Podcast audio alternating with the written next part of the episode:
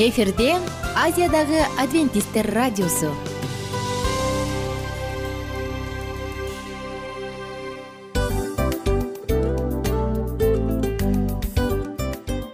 Достор салют. Баардык сүйүктүү угармандарыбызга салам айтабыз. Кутман күнүңүздөр менен. Ден соолук өмүрдүн булагы демекчи саламат саамы программасында баарыңыздарды көргөнүбүзгө абдан кубанычтабыз. Анда алгач амандашып өтөлү арбаңыздар деп. Ден соолугуңуздар кандай элибизде көбүнчө ден соолук кандай дегенде эле жакшы деп жооп беребиз э? ооруп турсак дагы жакшы дейбиз. Анан мен муну айтып ойлойт элем бул абдан сонун сөз депчи анткени бул жакшы деген үмүт да э ооба. баары жакшы болот. Баары сонун. Деп үмүттөнүп атып эле өзүбүздү өзүбүз дарылап коебуз. Анысы кандай сиздин дагы ден соолугуңуз жакшы беш деген үмүттөбүз чындыгында ден соолук бул өмүрдүн булагы деп бекеринен айтылган эмес деп ойлойм. Кыргыз элинде анткени эгерде ден соолук жок болсо анда адамдын жашоосунда калган баардык керектүү маңыздуу нерселер өзүнүн баалуулугун жоготуп коет. Ошондуктан ден соолук бул эң керектүү нерсе. Ооба туура айтасың кесиптешим. Чынында ден соолугуң жок бир эки үч күн ооруп калсаң эле э кандай болуп калат? Жашоодо көз каранды болуп каласың көп нерсеге жетишпей каласың көп нерсени кыла албай каласың жада калса эшикке дүкөнгө да чыга албай каласың. Туптуура анан ден соолук болсо демек биз биздин бактыбыз тотой деп койсок болот. Анда достор саламат саамы рубрикабызды баштайлы. Алдыда өзүңүзгө керектүү болгон сонун кеңештерди уга аласыздар. Мына ошондуктан биз менен бирге болуңуздар. Ал эми биз болсо милан жана айнура. Кеттик алга. Алга саламат саама ден соолуктун жарчысы. Саламат саама ден соолуктун ачкычы. Күн сайын сиз үчүн мыкты кеңештер сонун жаңылыктар кызыктуу фактылар биздин рубрикада.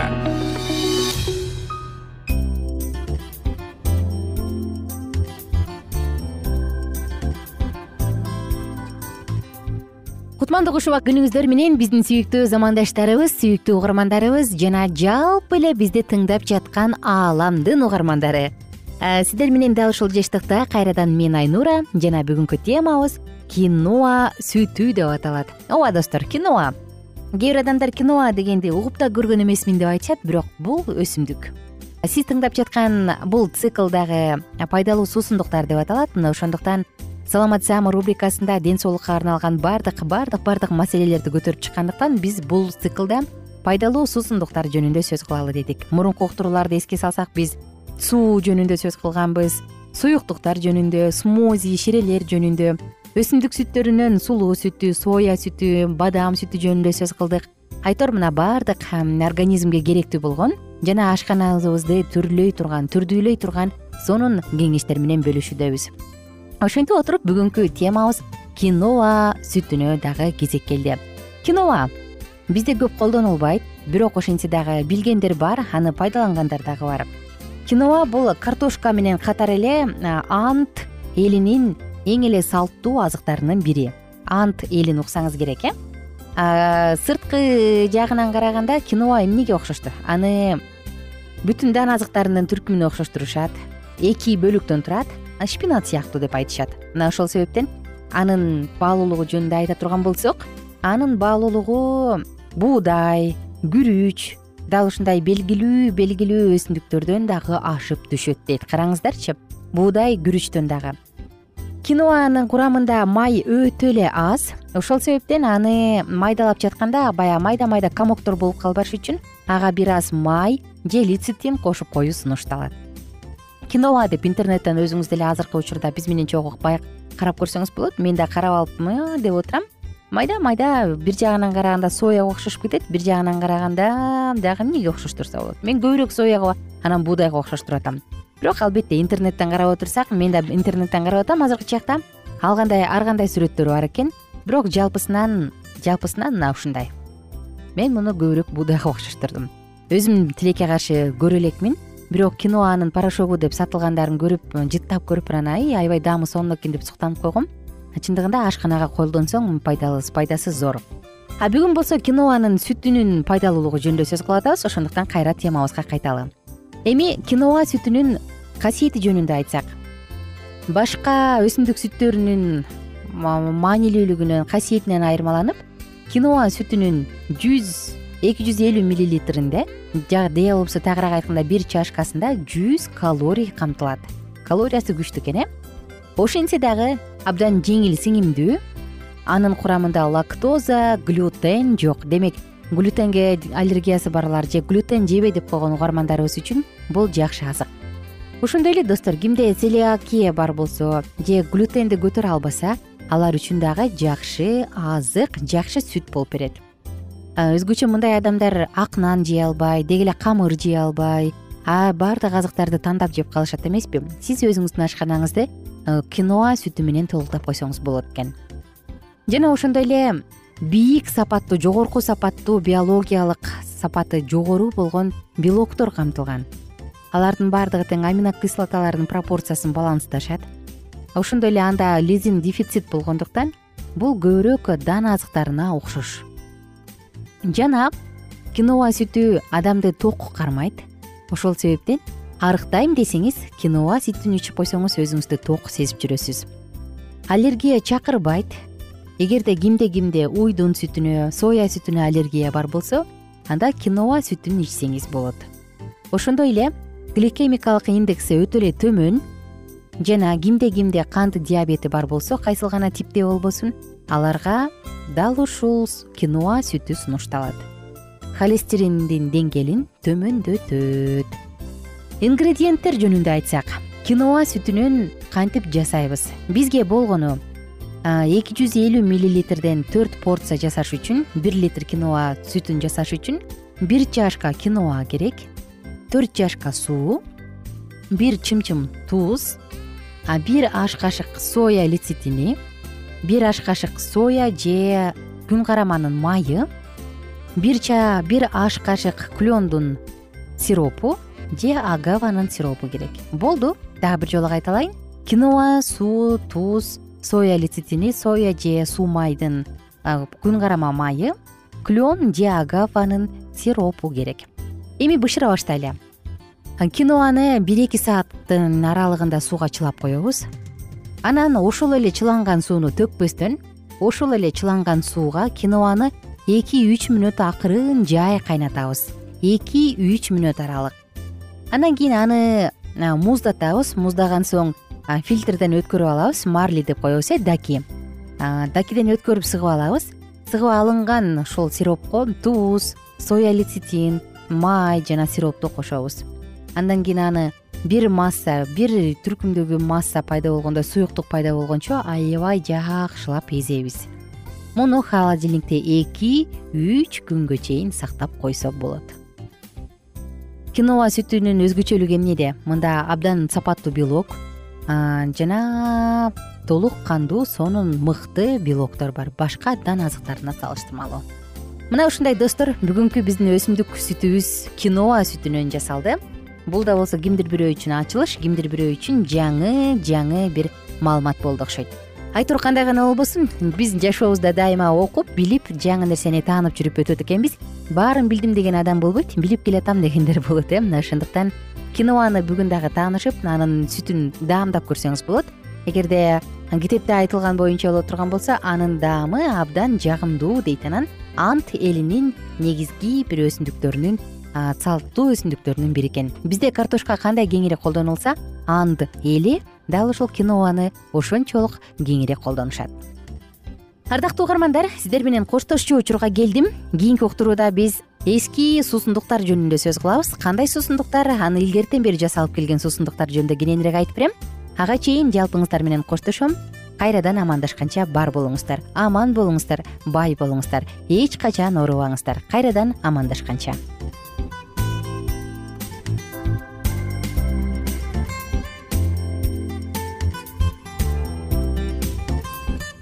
кененирээк маалыматтар үчүн үч w чекит саламат чекит клуб сайтына келип таанышыңыздар.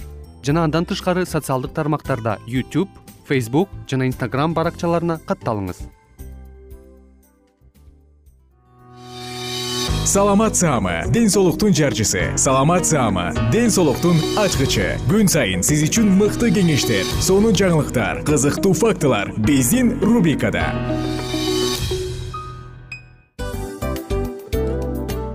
салам достор. Кайрадан биздин сүйүктүү рубрикабызга кош келиңиздер деп айтмакчыбыз.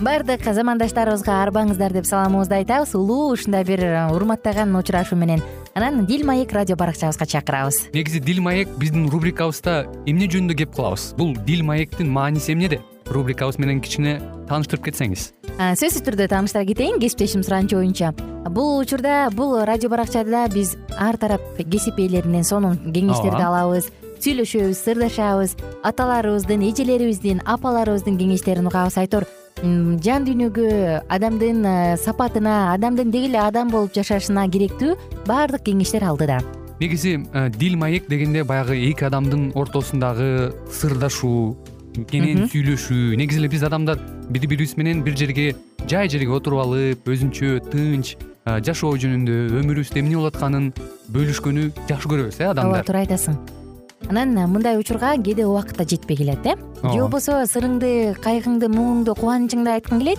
а адамга ишенбешиң мүмкүн. Ооба. А бул радио баракча угармандарыбыздын чыныгы досу. Анткени бизден алган кеңеш сиздин жашооңузга чоң жардам берет. Ал эми сиздин бизге айта турган сөзүңүз ортодо гана сыр бойдон калат. Ошондуктан биздин дил маек рубрикабызга дагы бир жолу кош келиңиздер. Жана биз даярдаган маалыматтарга даяр болуңуздар. Айнура жана милан сиздер менен бирге алдыга кеттик ар түрдүү ардактуу кесип ээлеринен алтын сөздөр жүрөк ачышкан сыр чачышкан сонун маек. Дил маек рубрикасында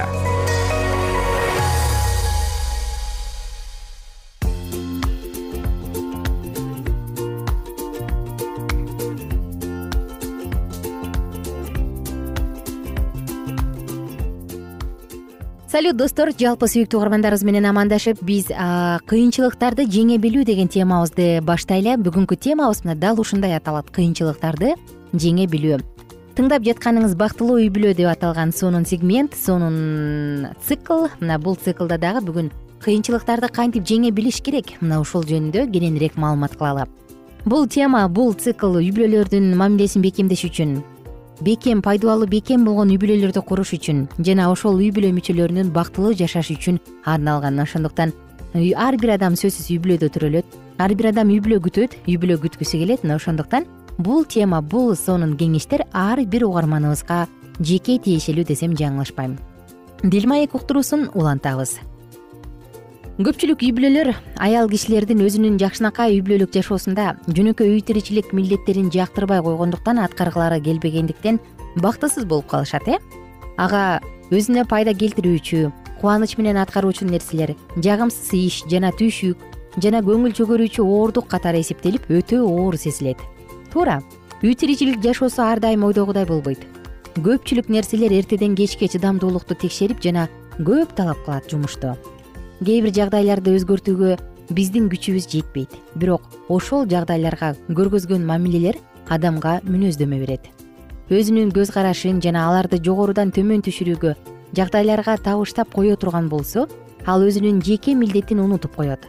Эгерде силер башкалардын колу чыдамдуулук жана туруктуулуктун жетишпегендигинен түшүп кеткен кыйынчылыктарды андан ары талыкпастык менен ишиңерди улантыш үчүн туруктуу жеңип кеткен болсоңор анда силер күчтүү гана болуп калбастан силердин тоскоолдукту жеңип чыккан тажрыйбаңар силердин башкаларга сөз менен жана жекече үлгүңөр менен жардам берүүңөргө жол ачат.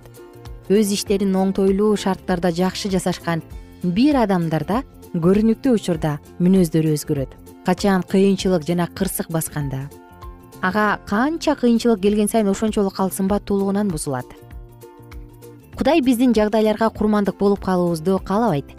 Көпчүлүк эр адамдар жана балдар өз үйүнөн кызыктыруучу эч нерсе таппагандыктан жана ар дайым ыраазычылыксыз сөздөрдү уга бергендиктен тынчтык жана кубанычты үйдөн сырткары жерлерден издей башташат. Эне жана жубай үй тиричилигине алагды болуп колу бошобогондуктан өз жолдошуна же балдарына көргөзүүчү үйдө алар үчүн кызыктыруучу сүйүү көргөзө албай ага көңүл дагы буурбай калышы ыктымал. Эгерде ал аларга өз кыйынчылыктары жана түйшүктөрү тууралуу айткысы келбесе деле ал тамак кылуу менен алагды болуп же үй ичин тазалап жатканда жолдошу жана балдары бейтааныш адамдар сыяктуу келишет жана кетишет.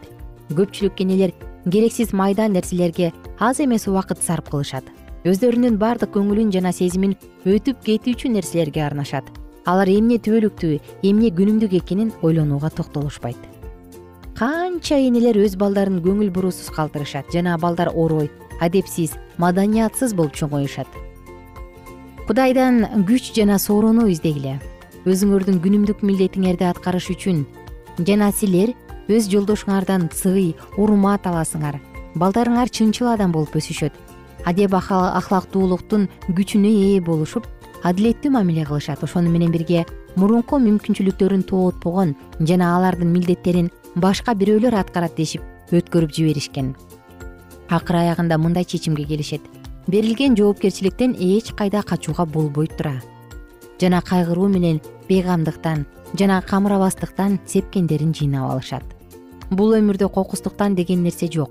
Себилген үрөөн кандай болсо жыйналган түшүм дагы ошондой болот. Мына достор ошондуктан бүгүнкү уктуруубузда дагы эң сонун маанилүү кеңештерди алдык чын эле. Кээде үч ачык болсо сенин кычырыңа тиет. Кээде сен жөнөкөй гана сырткы келбетиңе көңүл бурасың. Же болбосо эмнеге үч ачык эмнеге үй жыйнап койгон жоксуңар? Деп туруп үйдү жыйнап баштайбыз. Тамакты түрлөп жасап аны кылып муну кылып ушундай бир убактылуу нерселерге көңүл буруп атып же болбосо тапкан акчабыздын баардыгына кийим кечек алып сырты сырткы келбети элден калышпасын деп атып биз маанилүү жан дүйнөнүн суроолоруна көңүл бурганга убактыбыз калбай калат экен. Чындыгында бул абдан мындай адамды айыптоочу адамга чоң кеңеш сонун баалуу кеңеш берүүчү темалардын бири болду десем жаңылышпаймын. Ошондуктан ата энелерге өзгөчө каалайт элем. Кандай гана кыйынчылык болбосун аны жеңе билип сымбаттуу сулуу бойдон калып энелик ушундай бир сулуулугубузду жоготпосок экен деген ой бар. Караңыздарчы достор абдан сонун айтылган э? Көпчүлүк энелер майда нерселерге аз эмес убакыт сарп кылышат деп. Мүмкүн менин да жашоомдо ушундай болуп жаткандыр. Мүмкүн сиздин дагы жашооңузда ушундайдыр ким билет? Эгерде энелер өздөрүнүн милдетин так аткара алса анда сөзсүз түрдө коомдо мыкты инсандар өсүп чыгат. Мыкты инсандар бул жараткандан корккон жаман ишке барбаган өзүн ооздуктай билген өзүнүн жан дүйнөсүн байыта алган адамдар. Мына ушундай адамдар арабызда бар болсо экен деген гана тилегим бар.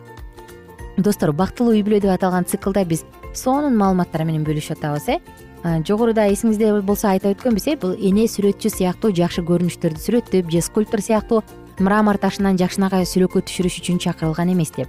Эне жазуучу катары өз ою менен чыккан жакшы сөздөрдү жаратыш үчүн же обончу катары өтө сонун сезимдерди обо ыргагында куюлтуп туруш үчүн чакырылган эмес дегенбиз.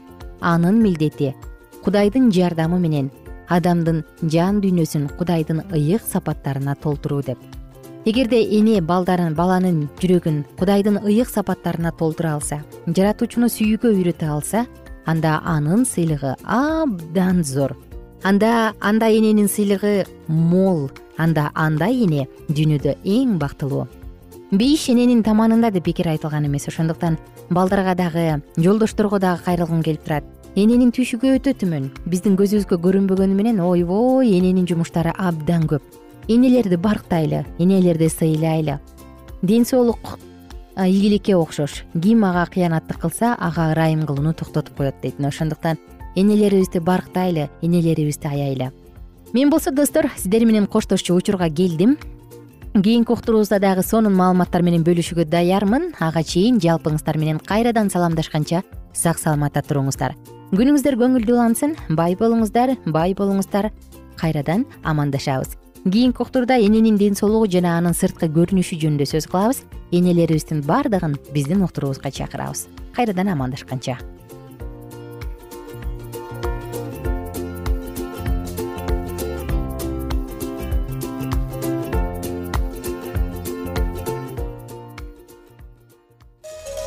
Ар түрдүү ардактуу кесип ээлеринен алтын сөздөр жүрөк ачышкан сыр чачышкан сонун маек дил маек рубрикасында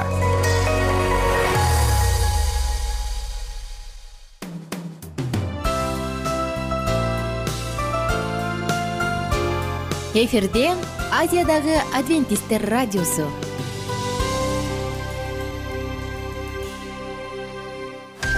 Жан дүйнөңдү байыткан жүрөгүңдү азыктанткан жашооңо маңыз тартуулаган жан азык рубрикасы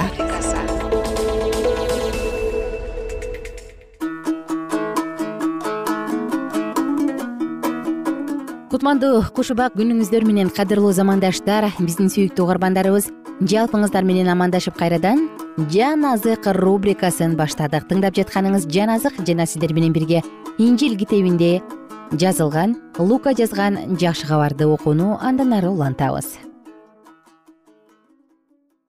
Лука жазган жакшы кабар он жетинчи бөлүм. Ыйса өзүнүн шакирттерине мындай деди азгырыктар келбей койбойт.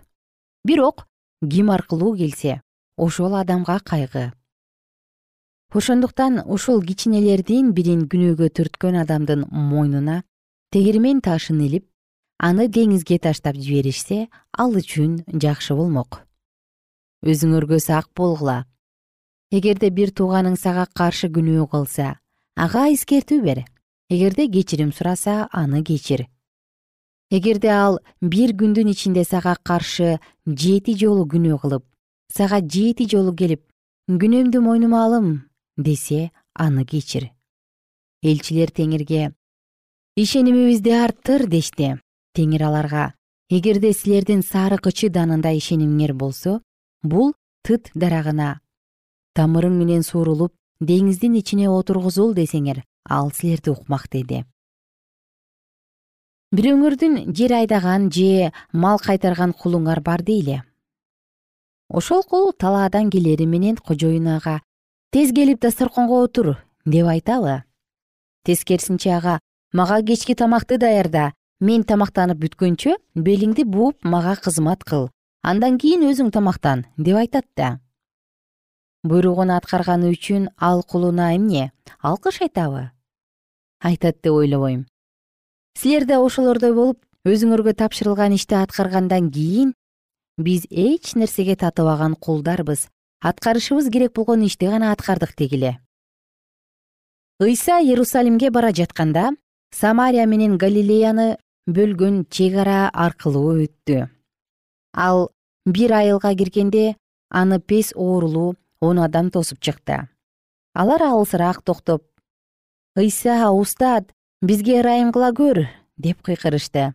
Ыйса аларды көргөндө ыйык кызмат кылуучуларга барып өзүңөрдү көрсөткүлө деди. Алар жолдо бара жатышканда пес оорудан айыгып таза болуп калышты.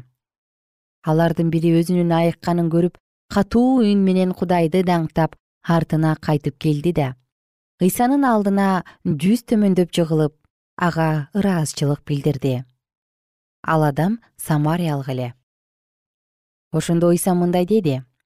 Он киши таза болуп калбады беле калган тогузу гана. Кудайды даңкташ үчүн бул башка уруунун адамынан бөлөк эч ким кайтып келген жокпу анан ал ага тур бара бер сени ишенимиң куткарды деди. Фарисейлер кудайдын падышачылыгы качан келе турганын сураганда ыйса мындай деп жооп берди. Кудайдын падышачылыгы көзгө көрүнбөй келет мына ал бул жерде же тигине ал тиги жерде деп эч ким айта албайт. Анткени кудайдын падышачылыгы силердин ичиңерде. Анан шакирттерине мындай деди.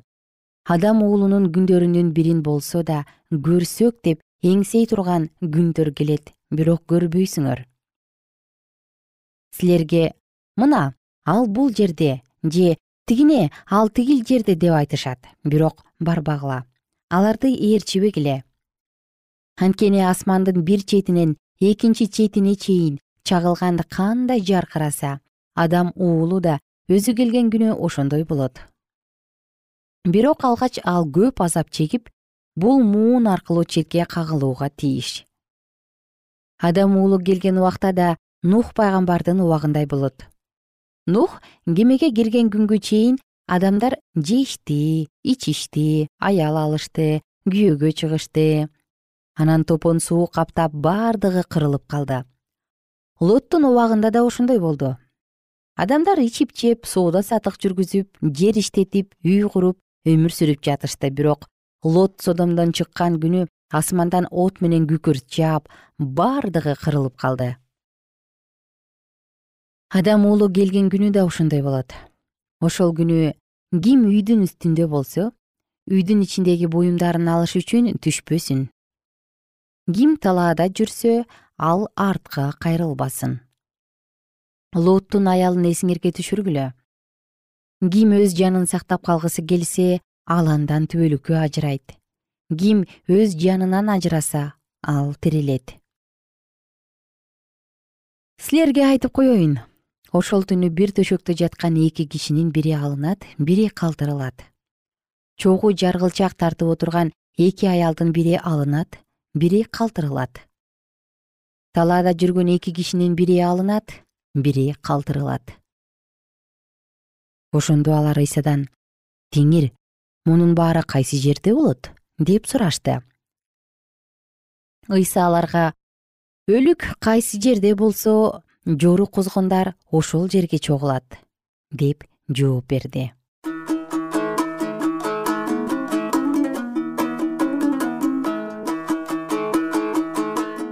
Ардактуу угармандар биз сиздер менен бүгүн дагы лука жазган жакшы кабардан он жетинчи бөлүм бир бапты толугу менен окудук. Караңыздарчы адамдын жашоосунда ишеним канчалык деңгээлде зор э? Мындай дейт да эгерде силердин сарыгыны кычы даанында ишенимиңер болсо бул тыт дарагына тамырың менен сурулуп деңиздин ичине отургузул десеңер ал силерди укмак дейт э? Адамдын сары кычы даанындай эле болгон ишеними сары кычы даан бул өтө эле кичинекей муну буудай негизи эле дыйкандар абдан жакшы билет болуш керек сары кычы даанын кененедей эле эгер ушундай эле ишеним болсо анда биз тоону томкоруп алмак экенбиз жаратуучубуз ар бирибизге баланыкындай жаш баланыкындай болгон ишеним берсин. Дал ушул жаш баланыкындай ишеним менен биз ишенели жаратканыбызды даңктайлы жаратканыбызды мактайлы жаратканыбызга ишеним артып бул жашообузда ага тапшыруу менен ага ишенүү менен өтөлү.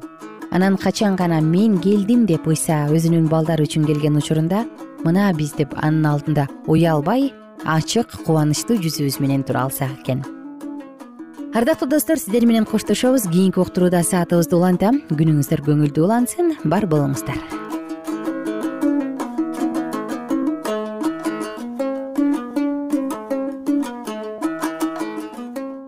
Эгер сиздерде суроолор болсо же көбүрөөк маалымат билем десеңиз анда биздин whatsapp номерибизге жазыңыз.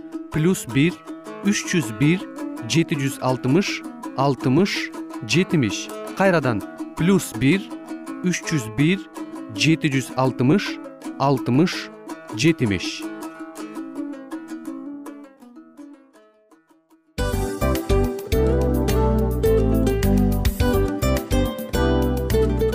Ушул менен достор программабыздын уктуруубуздун эң кайгылуу мөөнөтүнө келип жеттик кайгылуу дегенде ыйлагым келип кетти кесиптеш. Кадимкидей. Анткени баягы учурашасың анан коштошуу учур келгенде ии кантип ии эми бат баттан келиптир э сагындырбай деп атып араң коштошобуз го?